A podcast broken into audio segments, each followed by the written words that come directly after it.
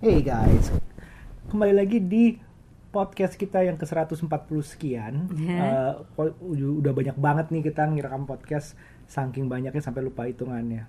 Hai, masih sama kita Aryo dan Nucha di sini. Ah, ah, dan kita mulai lagi ya. Um, sorry banget minggu lalu kita nggak upload, nggak ngerekam, nggak ngapa-ngapain dari di podcast ini. Gue juga bilang karena kita, well basi nih alasannya, Apa? sibuk. Oh sibuk asik. Ya sih bener. Kamu sibuk apa sih? Sampai nggak bisa? iya aku sibuk kantor dengan parent talk. Iya gimana parent talk? Ya, ya gitulah. 100 Sem- ribu semakin- followers dalam 4 bulan, selamat ya. Yeay. Kok akun aku nggak bisa digituin? Akunku aja nggak bisa. Jadi apa rahasianya? Oke, kita kita ngomongin itu di lain waktu. iya, tapi emang berasa sih sekarang ini sejak balik kerja, karena namanya juga kantoran ya, pasti Ah. lebih sibuk iyalah. Iya, terus kita ada satu anak, Satu uh, aku anak. juga ada kerjaan, kayaknya Iya. sibuk untuk sesuatu. uh, jadi boleh dibilang sih, ada juga yang bilang tuh bu katanya kalau si nggak ada yang sibuk, adanya masalah prioritas. Bener sih, bener. Jadi bener, podcast ini bener, prioritas keberapa bu? bener. Itu dia. prioritas jauh di bawah kali ya. Kayaknya gitu deh. Nah, uh, habis gitu apa sih alasannya jadi uh, kenapa kita nggak nggak upload nggak rekam itu memang basi alasannya kita sibuk kita minta maaf banget Mm-mm. ada beberapa yang menjadi prioritas lebih daripada podcast ini Mhm. gitu nah sebenarnya kalau kita ngomongin sibuk kan juga benar yang dibilang bahwa bagi ya gue juga percaya itu bahwa sebenarnya nggak ada yang sibuk semua tuh masalah prioritas berarti kalau dia bilang sibuk ya lo juga nggak masuk prioritasnya aja kasarnya kayak gitu Iya sih, bener. Kok aku gitu bener-bener mulu ya? Iya, kalau kayak buat aku aja yang sekarang baru balik lagi kerja baru empat bulanan ini kan balik kerja lagi setelah berapa ya kayak tiga tahun lah Iya, dari- off dari sebelum dari hamil. kantoran Mm-mm. dari kantoran ya kalau ngajar kan masih kalau menurut gue ngajar nggak bikin gue sibuk banget sih Hmm. terus begitu kerjaan-kerjaan part time ya nggak terlalu sibuk lah tapi Iya. yang sekarang walaupun sebenarnya apa namanya bisa work from home tetap aja di rumah sibuk juga sih Iya, hampir kayak lebih sering megang handphone sekarang karena Asli, pantauan karena lapak kita kan adanya ada di, sosial Instagram. media. Jadi ya memang memang agak agak membagi waktu ini selalu selalu masih dalam proses penyempurnaan gitu. Biasanya ya dengan ada rutinitas yang berubah lagi kita sempurnakan lagi pembagian waktu Aha. sehingga biar nggak rasa nggak sibuk tuh seperti apa sih. Nah kita uh, mau mulai ngomongin ini gimana caranya uh, orang tuh bisa nggak sibuk sebenarnya uh, kita share cara kita aja dan memang kita juga masih struggling untuk menjalankannya. Iya. Buktinya yang kita udah komit mau podcast juga akhirnya juga ada yang Mm-mm, lulus gitu. Ada aja. Pokoknya yang kita share ini adalah ongoing proses. Yap. Mulai dari mana? Um, yang aku rasain sih mulai dengan ngurangin komplain. Kalau kamu. Kalau aku, karena karena beberapa hal, uh, Nuca pernah ngalamin sendiri nih ngelihat sendiri gimana cara gue komplain dulu. Mhm. Komplain di saat, contoh uh, internet di rumah mati dan harus telepon ke internet providernya. Gue selalu bilang kayak, um, Mbak, apa namanya, ini mati sampai kapan? Oh nggak tahu pak, kita periksa dulu. Terus, um, oke, janjiin sampai kapan dong? Pasti sampai kapan? Terus Mbak, namanya siapa? Namanya A gitu dia bilang. Nah. Nama lengkapnya? Oh maaf pak, kita nggak bisa ngasih tahu nama lengkapnya. Kok nggak bisa sih? Gimana? Terus nomor teleponnya berapa? Ya ini telepon ke sini saja pak dengan nomor komplain seperti ini. Ya long story short, Aryo tuh orangnya nyecer banget teror abis. Apalagi korbannya tuh mbak-mbak dan mas-mas customer service itulah. Yang sebenarnya mereka pertama juga otoritasnya segitu aja gitu, belum tentu bisa iya, kayak lebih. mereka kan gitu. emang udah kayak template aja jawabannya dia masih lagi. Mm-mm. Aryo masih aja nanggepin gitu kan terus-terusan ditanyain. Kalau gue sih udah males tutup bodo amat deh gitu. dan mereka nggak bisa semacam mereka nggak bisa um, lebih dari otoritasnya mereka juga punya masalah juga siapa tahu di rumahnya mereka juga ya nggak tahu memang harus Hmm. ada beberapa kondisi yang harus dibetulin datang ke lapangan pokoknya segala macam lah Iya. mereka punya alasan nah itu dulu tuh saking seringnya kita tuh eh aku tuh berusaha ngerasa bahkan aku udah over complaining nih Mhm. kadang-kadang gue suka kesel sendiri gue kok komplain mulu ya? Hal kecil gitu komplain mulu ya. Padahal tanpa internet sehari dua hari juga nggak apa-apa di rumah. Mm-mm. ada kerjaan tinggal ke coffee shop kayak ke kantor kayak ke mana kayak gitu yang internetnya lebih reliable. Terus kenapa ya? Sampai kesel sama diri sendiri gitu loh dulu. Ngerti sih. itu namanya uh, complainception kali ya. Iya, aku juga dulu suka bukan aku nggak suka teror gitu sih, karena aku lebih kalau udah tahu nyambungnya ke customer service ya udah deh udah pasti nggak hopeless ya udahlah Hmm. bodo amat gitu. Bahkan aku sekarang lebih efektif lewat Twitter loh komplainnya. Iya sih. Jadi karena kalau aku tweet dengan bahasa yang sopan segala macam, abis itu aku emang nggak bisa expect jawaban cepat karena itu Twitter. Jadi ya udah aku lebih relax. Nah tapi intinya sih kalau complainception itu em, ngerasa bahwa udah udah udah udah kesel banget sama diri sendiri yang komplain mulu. Jadi komplain akan diri sendiri yang komplain. Mhm. Nah itu kalau dikurangin contoh sekarang apa yang terjadi dengan kita sekarang dengan Apa? renovasi rumah? Iya, ya kom ya banyak banyak hal yang nggak sesuai ekspektasi yang merasanya pengen komplain mulu. Tapi kita komplain nggak? Enggak, Nah kenapa itu? Apa karena yang aku hamil. Sebenarnya sebagian Jadi besar solusi buat yang dengar adalah hamil aja. Hamil aja. Hamil aja biar nggak komplain. hamil harus zen ya, harus tenang ya, nggak boleh marah-marah gitu. Karena gue pengalaman juga sih di hamil Aira pertama, di awal-awal gue nggak pernah marah gitu ya, pokoknya Iya. fun semuanya. Tapi ada aja hal tertentu yang nggak sesuai dengan ekspektasi, terutama yang menyangkut waktu itu kan namanya juga lagi menyempat, lagi nesting lah mempersiapkan kelahiran bayi. Mm-mm. Terus belilah eh, apa namanya sofa buat menyusui, bla bla bla bla. Nggak sesuai ekspektasi, keselnya bukan main gitu. Jadi kayaknya tuh udah menyulut banget marahnya luar biasa. Dan beberapa kali terjadi kayak gitu. Memang bukan sama orang terdekat gitu, enggak sih. Aku nggak pernah marah yang sama orang terdekat. Tapi hal-hal yang Justru bikin aku kenal. sensi, eh, yang aku nggak kenal gitu. Justru Tapi aku marah tuh, banget uh-uh. gitu. Terus yang sekarang hal itu terjadi lagi ketika kita lagi renovasi, banyak banget renovasi kayak tembok nggak sesuai, cat nggak sesuai, entah eh, apa namanya Horden. nggak sesuai, terus pintu nggak sesuai, ada aja Ada hal-hal aja. kecil. Jadi renovasi sebenarnya harus sesuai dengan waktu akhirnya mundur. Akhirnya mundur seminggu, mundur seminggu, mundur mundur sampai berapa?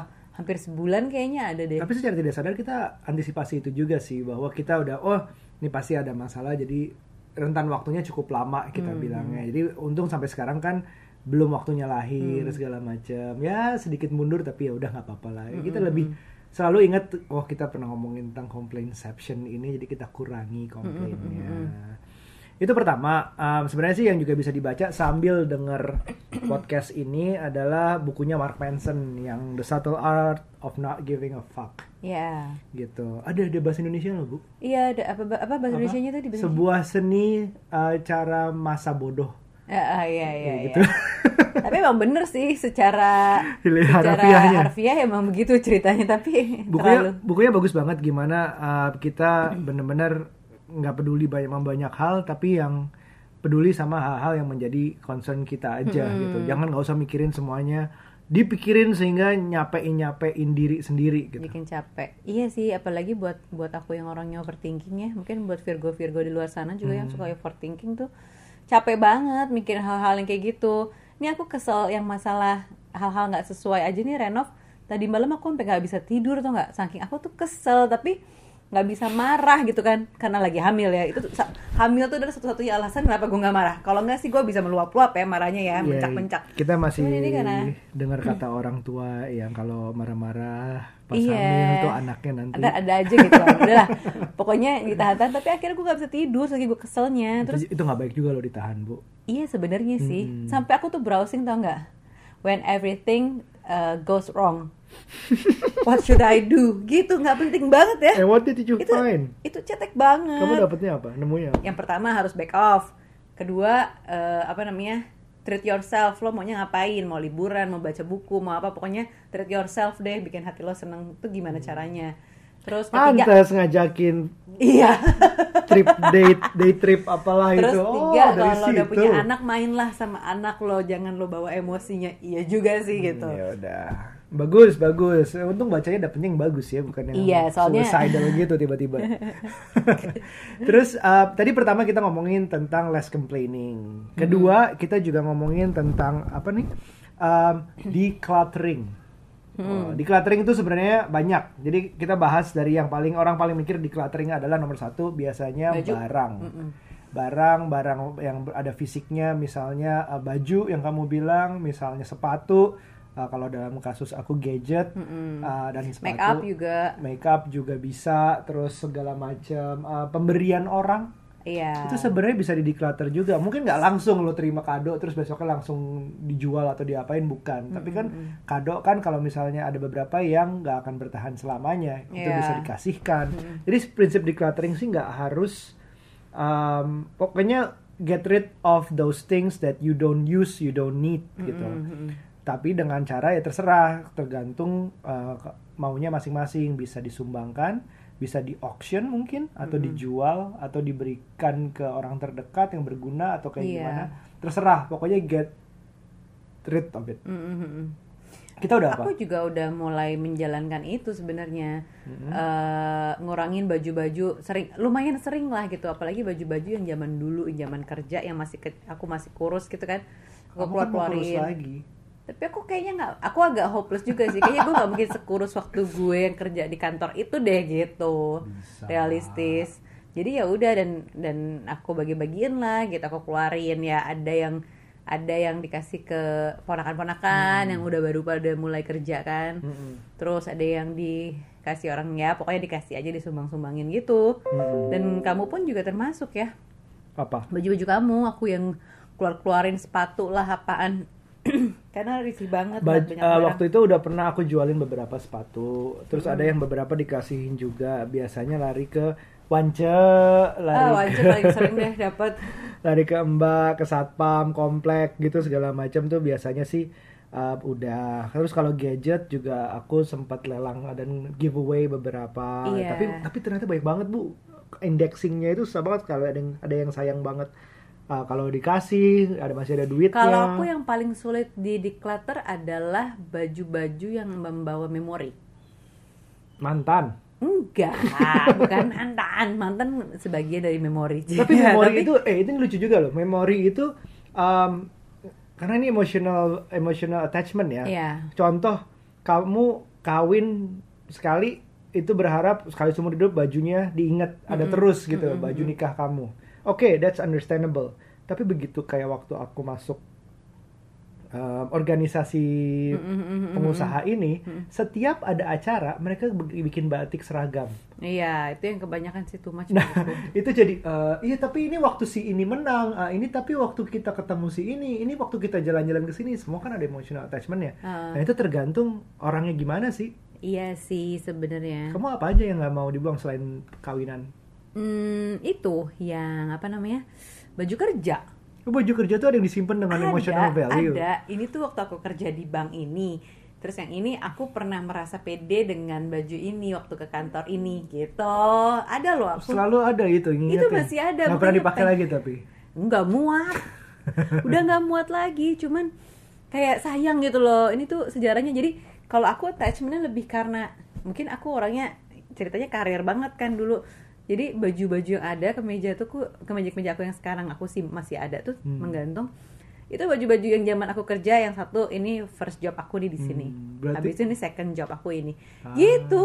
Berarti kategori ketiga dari barang yang disingkirkan, yang di declutter adalah yang tidak ada value-nya untuk kamu. Jadi kalau misalnya ini masih ada value walaupun emotional attachment, oke you got to keep it. Tapi nggak Hmm. mungkin semua barang di lemari kan ada value-nya, nggak mungkin. Gitu. Iya. Pasti ada yang udah sama sekali udah udah rusak, udah busuk atau udah nggak ada gunanya, nggak ada value-nya, Iya. nggak pernah dilihat, nggak pernah dipakai. Oh ini masih ada. Eh ngapain nih nggak pernah gue pakai berapa tahun? Itu bisa disingkirkan.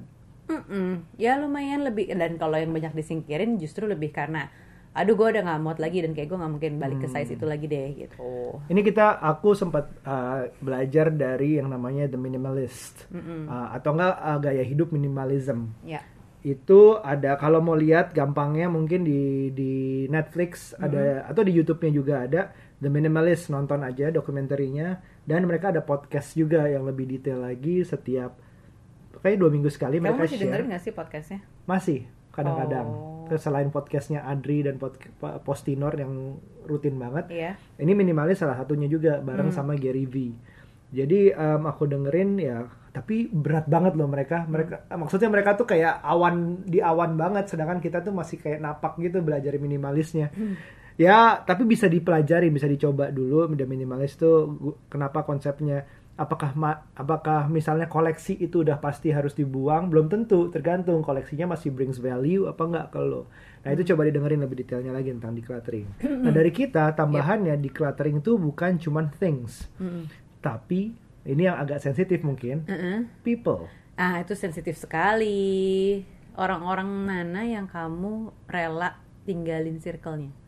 Hmm. Bukan rela lah ya, yang kamu bukan rela ya. Apa ya? Yang kamu mau lah untuk tinggalin. apalagi kita di culture timur ya yang Iya. yang pertama orangnya banyak banget keluarga kita tuh udah dari keluarga yang beranak banyak dari atas atas kita semua gue yakin yang denger juga pasti banyak sih yang ibunya saudaranya ada 4, 5, 6, 11 Iya, itu kalau bicara keluarga. Tapi kalau yang pertemanan juga sebenarnya banyak sih. banyak Dari karena geng-geng- orangnya banyak banget geng SMP beda, geng SMA beda, kuliah beda, kantor beda, terus ada geng-geng di luar itu gitu kan. dan apakah semuanya itu brings you value udah pasti enggak nggak semuanya pasti Hmm, ya.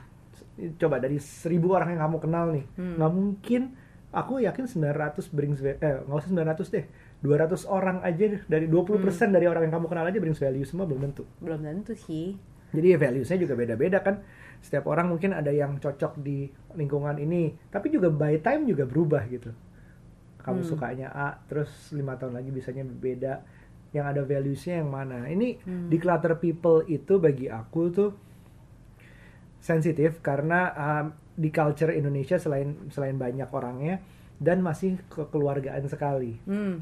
Uh, dianggapnya keluarga itu bukan cuman keluarga inti keluarga inti itu bagi keluarga intiku itu kamu dan Aira Hmm. keluarga kandung masih ada orang tuaku dan adikku keluarga ipar masih ada which is Hmm. keluargamu keluarga Yeah. kandungmu itu aku anggap nah itu masih ada levelnya tapi kalau di Indonesia tuh masih banyak sepupu Mm-mm. uh, sepupu se, se- apa lagi yang satu buyut itu Iya. juga masih Apa ya? Nggak tahu lah namanya apa. ya itu Ah, itu masih kalau kawinan harus datang kalau kawinan harus bantu Iya orang timur tuh gitu ya ngundang kawinan tuh banyak banget itu temennya sepupu siapa lah terus kalau nggak sepupunya ini loh dari keluarga ini itu panjang banget. Iya, dan ini sangat sensitif kalian. um, kita sih, kita sih uh, ada batas-batasnya orang yang kita anggap deket. Um, bukan berarti memusuhi orang yang yang tidak kita anggap deket, Iya. tapi setidaknya mengurangi porsinya. Jadi Iya. lebih banyak ke ya urutan tadi bagi gue sih urutannya adalah keluarga inti terus keluarga kandung. Hmm. Kalau dari keluarga. Nah, ada juga yang artikel yang membahas bahwa um, manusia itu cuman bisa ada lima hubungan terdekat. Maksudnya gimana tuh? Jadi misalnya aku cuma punya lima orang terdekat. Oh, Jadi bisa sanggup Aku. maintain hubungan kayak akrab banget, sohib banget, ya, itu sama lima orang. Aku tahu siapa aja.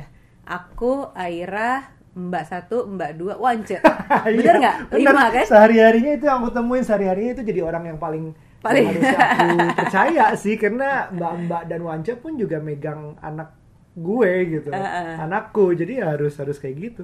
Dan uh, itu lingkar nol menurut menurut research ini Oke. research dari National Post ya. Nanti gua taruh linknya deh di deskripsi. Heeh. Ju, um, circle 0 itu lima orang, circle 1 baru bisa maksimal 150 orang. Itu kenapa path terjadi sosial media waktu itu. Oh. Jadi batas dia awal kan dia pertama bikin tuh 50 orang, terus Ah. mundur jadi 150 orang berdasarkan research ini. Oh, Tapi path gitu. udah ke mana-mana sekarang udah Iya, beda. udah jadi makanya gatot ya. Mm-mm. Kamu setuju gak? Kamu lima orang siapa? Sama dong itu. Sama dong orang kita satu rumah, udah itu aja. Iya, lima orang itu. Terus yang di, di clutter terakhir yang bisa di declutter sekarang adalah Sosial media lah, apalagi. Media. Itu racun-racun nggak racun sih. Iya, mulai dengan unfollow, unsubscribe, un like, Uninstall. uninstall bahkan gilanya sih. Oke, uh, kita mulai dari yang gampang dulu beberapa lo lihat list following lo, unfollow lah beberapa orang yang memang udah nggak ada value-nya, nggak ada Iya, gunanya. bukan nggak ada nggak ada Buat lo ya? sih, cuman udah nggak pengen aja temenan karena udah nggak asik, udah nggak se Oh, ini lebih sadis lagi. nggak sealiran gitu loh. Iya, iya. Ya, itu terlihat dari uh, biasanya political views kemarin berbeda. Terlihat Ya. dari religious beliefs juga. Ya. Tanpa kita bilang mana yang benar mana yang salah, lo pasti punya uh, ref- apa preference sendiri mana yang benar yang cocok yang enggak sama. Mungkin bukan benar salah lah, cocok nggak cocok. Iya, cocok cocok. Iya sih, Tapi kalau aku dulu kan ada top 3 lah ceritanya, ya. Hmm. top 3 social media yang aku install tuh Path, eh, Twitter, Hmm. sama Instagram. Facebook aku udah anggap enggak lah ya dari dulu karena aku juga pasif ya? banget. Ya masih login untuk Karena berguna untuk connect ke aplikasi apa pun yang kamu up, kadang ya. kadang begitu tapi nggak pernah aku buka aku nggak pernah nulis status dan lain-lain gitu cuman jadi cuman tiga tuh Hmm. sekitar dua tahun lalu lah itu andalan banget tapi begitu aku punya Aira setahun pertama punya Aira kok aku ngerasa gila ya Path itu adalah eh, social media favorit yang ternyata menghabiskan waktu aku jadi Oke. ada istilahnya Oke. brexting tuh eh, breastfeeding while texting Mm-mm. Jadi ketika aku lagi nyusuin, aku sambil scroll scroll baca-baca sosial media dan itu yang paling aku baca adalah Path karena terus? kan close friend banget kan. Mm-mm. Jadi aku kepo dan lain-lain itu menghabiskan waktu. Padahal harusnya pada saat breastfeeding atau lagi nyusuin itu nggak boleh kita sambil sambil texting as in uh, scroll scroll untuk sosial media Karena gitu-gitu. ke bayinya segala Karena pertama secara sinyalnya itu eh, nggak bagus buat otak bayi. Nah, kedua, Kedua mengurangi intimate sama iya, bayinya. jadi fokusnya nggak ke bayinya. Mm-mm, fokus padahal seharusnya kan kalau misalnya pun anaknya lagi melek ya kita kayak kon liatin. Uh-uh, eye contact gitu kan. Terus atau ya udah sekedar ngeliatin atau ngomongin kalau anaknya misalnya lagi tidur sekalipun gitu. Itu sisi parenting ya. Aku setuju banget kamu akhirnya uninstall Path. Um, aku ngerasa kadang-kadang ya Hmm. pernah yang berbahaya itu justru orang yang setengah deket Mm-mm. kayak di Path. Iya, terus Nah, invite kan, nggak enak untuk uh, uh, dicuekin atau tapi Terus diterima kan juga sering males. terjadi yang kayak ternyata justru path lo di screen capture terus disebar ke sosial media. Iya, itu banyak. Karena nganggap itu kan close banget kan. Ah, Berarti ini gue jadi mata-mata terdekat lah Jadi misalnya gitu. antara lima orang tadi yang aku deket Mm-mm. atau yang nggak kenal sama sekali itu lebih aman daripada yang setengah deket. Iya sih. Kadang-kadang tuh kayak gitu. Jadi Hmm. jadi uh, Nucha uninstall path, gue masih tapi masih udah jauh lebih jarang pakai ngeliat path dari dulu. Terus yang kedua aku kan Twitter juga dulu aktif banget sampai akhirnya aku merasa di Twitter isinya sejak yang kayak pilkada terus eh, pilpres tuh kayak isi berantem mulu akhirnya Iya, aku tinggalin nggak sampai aku uninstall sih Terus sekarang cuman lagi rame loh. Aduh aku Udah males. beneran deh nggak aku emang nggak sampai uninstall atau logout sih. Cuman kayak ngeliat sekali-sekali tapi itu kalau lagi bener-bener bosen banget berarti aku ngeliat Twitter. Kalau nggak sih nggak lewat aja. Dan tapi yang masih aku aku pegang adalah Instagram karena aku suka visual gitu. Instagram memang banyak orang bilang lebih happy katanya. Tapi juga Instagram sama kemarin kan ada perdebatan mana yang lebih kalau Instagram apa kalau Twitter itu buat orang yang lebih pinter tapi nggak cakep atau nggak tajir, nggak ada yang buat dipamerin. Iya, itu aku males deh ada definisi-definisi itu. Bisa-bisa aja kek. Instagram tuh buat yang pamer ka- kekayaan atau kehebatan lainnya lah. Nah, Wah itu lucu banget sih aku ya. Jadi terus kalau yang wah nggak tahu deh. Aku baca bacanya iya iya iya iya. Harus diberantemin antara sosial media aja juga. iya. Kayaknya orang yang bikin tuh kurang kerjaan ya. Sama aja kok eh, Twitter punya berantem politik, Twitter punya tweet war yang ngeliatin orang berantem. Eh, Iya. Instagram juga punya jeleknya ada Ih, ada apa yang biang gosip Iya. gitu segala macam itu juga ada kok. Semua tuh ada bagusnya, ada jeleknya. Kalau gue pikir sih ya tergantung values lo di mana. Lo tinggal kalau langsung mau pakai semuanya tinggal unfollow yang nggak penting, yang rusak, yang bawa negativity, yang nggak cocok sama sama values lo. Tinggal di uninstall eh unfollow baru uninstall kalau misalnya yang udah ekstrim kayak kamu lah. Hmm, Nucanya saking ekstrimnya pernah keluar dari grup keluarga nih. Iya. Mungkin gue orang ngelempeng aja cuek. Pokoknya kalau gue gak suka ya udah gue cabut. hebat hebat hebat hebat ya itu jadi declutter itu em, dibagi jadi kita bisa declutter things declutter people and declutter social media terus untuk menentukan kita yang busy gimana itu adalah menentukan prioritas Mm-mm. prioritas kita apa kalau aku Kamu nulis- ditanya? aku nulis kemarin di stories ada misalnya keluarga ada misalnya em, politik ada misalnya kerjaan ada misalnya agama atau Tuhannya itu juga juga ada kalau aku sendiri sih hmm, aku relationships matter ya Mm-mm. Nah, relationship dari mana dulu? Mungkin orang lihat aku anggapnya utama pasti Aira dan kamu, keluarga. Ada benernya itu very high on top of my list. Mm-mm. Nah, tapi sebelum kita jawab itu kita lihat dulu kita mau accomplishnya apa sih dari hidup kita ini, Cie. Tujuan lo apa? Asyik. Um, ada cerita dari termasuk dari bukunya si Mark Ranson Mark Ranson tadi bahwa uh, ada Dave Mustaine Hmm. yaitu kalau nggak salah dia adalah uh, salah satu personilnya Metallica sebelum Metallica terkenal. Mm-mm. Kenapa dia? Dia cabut, Hmm? dia cabut di saat dia cabut langsung Metallica terkenal. Hmm. Entah itu penyebabnya dia atau enggak, bukan itu masalahnya. Tapi dia kecewa banget, dia sakit Hmm. hati, dia bikin band baru yang terkenal juga ternyata, cuman nggak sebesar Metallica, yaitu Megadeth. Hmm. Terus satu lagi cerita tentang Pete Best Mm-mm. yang kejadiannya hampir sama, dia cabut dari bandnya, bandnya Mm. itu jadi terkenal yaitu Beatles. Mm-mm. Nah Terus dia, dia bikin apa? Dia cabut, dia nggak nggak ter- terkenal sama si Dave Mustaine tadi. Dia nggak bikin band yang hebat, dia akhirnya cuma coba bikin band tapi gagal, terus dia ngajar musik lah segala macam. Uh, dia biasa aja jadinya hidupnya. Lalu dibandingkan mana sih sebenarnya yang lebih happy? Ternyata Mm-mm. yang lebih happy itu si Pete Best walaupun nggak jadi terkenal Megadeth kayak Dave Mustaine, Mustaine, tapi dia tuh lebih karena ekspektasi dia nggak setinggi itu gitu. Hmm. Dave Mustaine malah depresi. Terus? Die? Gitu. Nggak belum? Nggak tahu sih lupa aku die apa enggak. Hmm. Die enak banget die. Terus eh, jadi ketergantung tujuannya apa. Ekspektasinya udah tahu apa, jadi kita tahu eh, mana yang bisa menjadi prioritas dengan menentukan relationships mana. Hmm. Kalau aku adalah diri sendiri. Oh ya? Egois gak tuh? Nggak juga sih, nggak apa-apa lah. Wajar banget ada yang kayak gitu karena jarang pasti orang lebih kadang nggak Iya. enakan akhirnya dia lebih memprioritaskan hubungan dia sama orang lain gitu. kan. Intinya memang memang memang keluarga sih yang deket banget sama itu. Tapi Hmm. aku nggak akan bisa ngelakuin sepenuhnya untuk keluarga kalau akunya juga nggak happy. Hmm. Justru aku nyenengin kamu, nyenengin Aira itu demi nyenengin aku juga. Oh gitu. Ah, bahwa oke. aku harus harus menikmati saat-saat itu. gitu. Hmm. Kalau kamu siapa? Kalau aku ya pertama pasti keluarga lah ya, keluarga inti kita nih. Hmm, hmm. Tapi yang kedua yang jadi baru sekarang adalah prioritasku ya kerja karena mungkin Baru. baru banget. Mm-mm. Terus kayak lagi apa ya? hype di situ gitu loh. Jadi ya aku sebenarnya agak-agak keteteran antara keluarga dan kerjaan juga sih. Aku merasa juga sih ini akhir-akhirnya jadi kok sejak gue kerja jadinya eh, gue di rumah masih buka laptop, gue masih buka handphone yang buat kerjaan-kerjaan gitu. Kadang nggak enak juga sih sama Aira suka kasihan. Ya tapi kan jadi kalau kamu bilang keluarga di atas ya berarti kamu korbankan dong kerjaan. Iya, tapi ya memang lebih baik tetap keluarga sih. Cuman ya gitu, jadinya em, apa ya? Emang antara prioritas agak susah sih kalau sekarang. dua-duanya, dua-duanya lagi jalan gitu. Yang pasti podcast nggak di sini ya. Eh, podcast belum ya.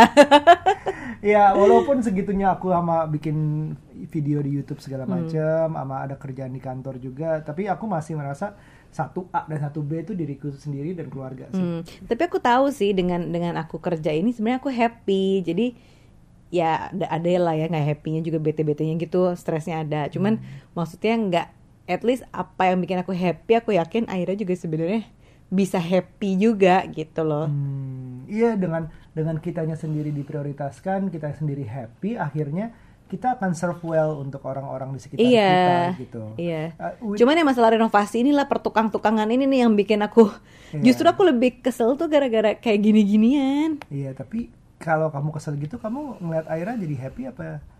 Ya aku harus berusaha happy. Nah itu masih masih susah berarti ya. Iya, karena aku pengen mar mau marah kan, Itu tapi nyampeinnya ke mana? menunjukkan bahwa prioritas kamu adalah diri kamu dulu harusnya. Mhm. Jadi kalau misalnya memang benar prioritas kamu adalah aku dan Hmm. Aira, begitu kamu kesel sama sesuatu, terus larinya ke aku dan Aira langsung happy. Tapi Hmm. nggak nggak semudah itu. Mm-mm. Bahwa kamu memang keadaannya lagi kesel, lagi kesel nih gue nggak bisa ngeliat Aira sama Aryo, terus ya udah dinikmatin dulu, lama-lama mungkin happy. Iya, gitu kayaknya sih. jadi jadi jadi jadi zaman pacaran kan aku lagi sebel aku pengen ketemu kamu kamu bikin aku happy gitu. Nah, Nah, kayaknya ya agak gombalisme gitu iya.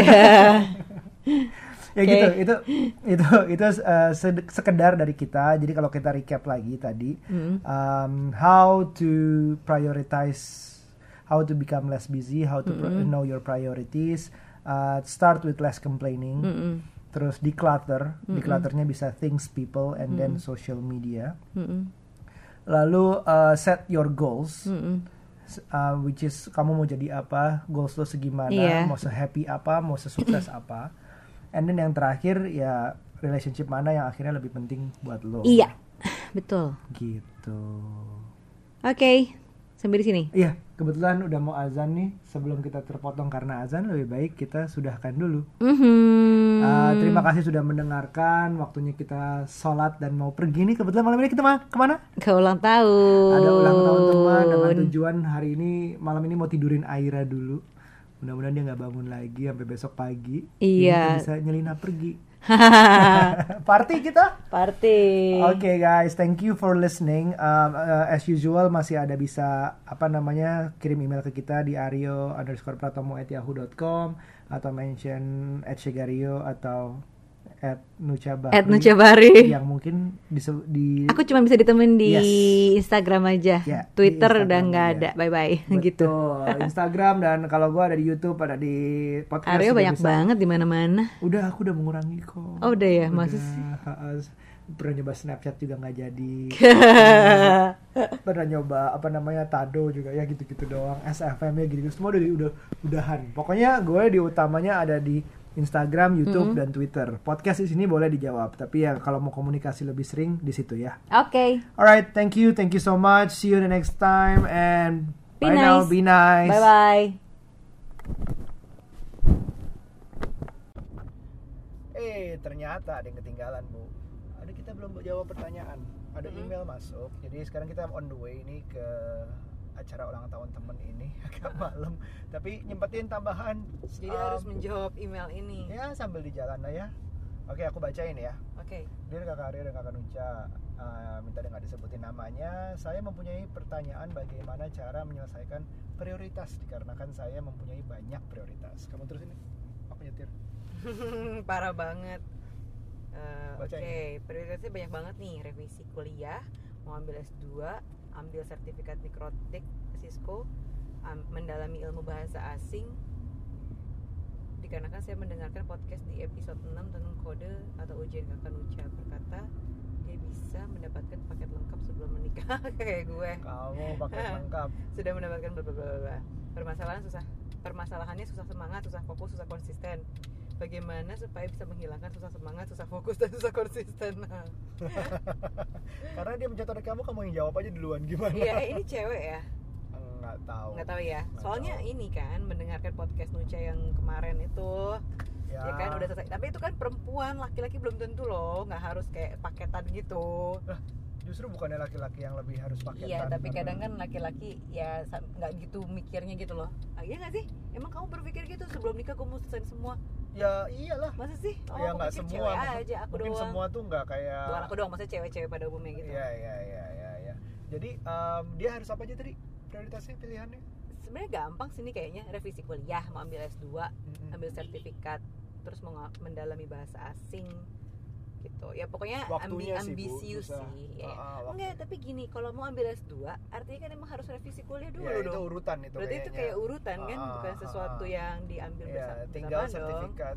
berarti kan yang mananya duluan mendingan revisi kuliah dulu Ah, ah. ya kan itu udah dapat tenang soalnya itu paling basic sih Nah, terus ada antara terus ambil sertifikat atau bahasa atau asing bahasa asing. Tergantung sih mana duluan apakah tujuannya misalnya ngambil sertifikat itu untuk kerja gitu ya Mm-mm. emang perlu banget ya nggak apa-apa nanti ngambil bahasa asingnya pada saat bekerja aja ya nggak sih Iya. Jadi kalau Kecuali- misalnya kita sambungin sama podcast kita yang kita rekam tadi ya lebih lebih pagi tadi, lebih Mm-mm. sore tadi, em, ya coba lakuin yang kita ituin aja dulu, ilangin waktu-waktu lain nggak nggak dipakai buat ini semua gitu. Jadi contoh yang less complaining, declutter things, declutter friends, mungkin dengan waktu luangnya bertambah seperti uh, lebih banyak lebih kurang temennya artinya lebih sedikit waktu buat nongkrong sama teman kebanyakan gitu. Iya. misalnya atau enggak uh, berkurang waktunya untuk lihat-lihat social media ngeliat gosip Mhm. uh, politik atau apa segala macam gitu itu berkurang waktunya sehingga lo bisa ngelakuin ini semua kali. Iya menurutku gitu sih. Jadi sebelum milih yang mana mungkin baiknya di dibuang uh, aktivitas atau barang atau teman yang nggak perlu semuanya yang nggak berhubungan. Demi Iya. menunjang siapa tahu bisa ngelakuin empat empatnya gitu sekaligus. Ah, tapi kalau aku nggak mungkin empat-empatnya dilakuin sih yang ambi itu. Karena apa kalau buat aku tetap ada satu hal yang harus dilakukan yang seneng yang sifatnya tuh senang senengnya Iya. ini kan kayaknya ambisius banget nih Kayak belajar bahasa itu bisa gampang-gampang susah loh. iya iya Kalau sih setiap hari diomongin belajar bahasa tuh jauh semakin gampang. iya betul Nah, jadi kayaknya memang eh, tergantung tujuan lo apa sih mau ke mana dulu gitu kan Betul. jadi bisa diurutin gitu loh nggak harus yang empat empatnya sekaligus menurutku Iya, betul betul ya. Semoga menjawab ya. kita mau um, sebenarnya nggak malam-malam banget kita ya kayaknya ya. Mm-hmm. Kasihan ninggalin anak tidur. Oke. Okay? Oke. Okay. Pamit lagi untuk kedua kalinya hari ini sampai ketemu lagi di podcast berikutnya. Bye. Bye, be nice.